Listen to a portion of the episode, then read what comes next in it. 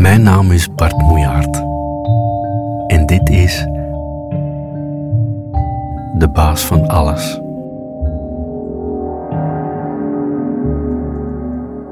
De vos en het verschil.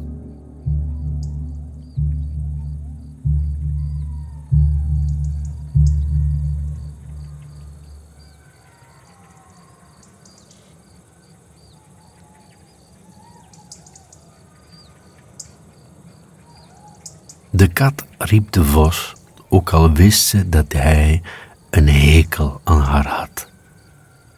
Rooie, zei de kat.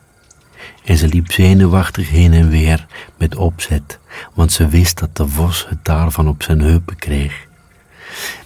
Ken jij het verschil tussen jou en een grote hond? Nee, zei de vos kortaf, en hij drukte zich plat op de grond en keek verstoord. Ik ken geen grote honden. Hoe, hoe kan ik het verschil dan kennen als er een verschil is?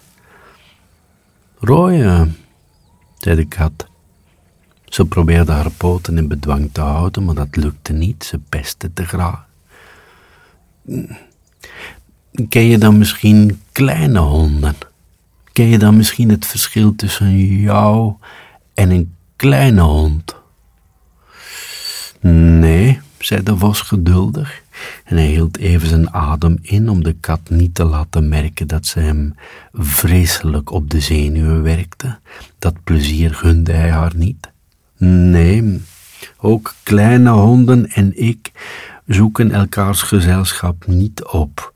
Hoe kan ik het verschil dan kennen als er een verschil is? Rooie, zei de kat. Ze bleef ineens stilstaan en deed alsof ze diep nadacht. Je begrijpt niet waar ik naartoe wil. Hier vlakbij zit een hond aan een touw.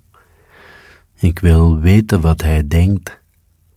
Van alle dieren die ik ken, lijk jij het meest op een hond, daarom vraag ik het jou. Waarom vraag je het de hond niet zelf? zei de vos. Ik lijk net zoveel op een hond als jij. Oh ja, zei de kat. Ken jij dan het verschil tussen jou en mij? De vos grinnikte. Natuurlijk ken ik het verschil tussen jou en mij, fluisterde hij met zijn ogen dicht. Hij vond de kat, zelfs als ze stilstond, niet te pruimen. Ook met zijn ogen dicht vond hij haar veel te druk.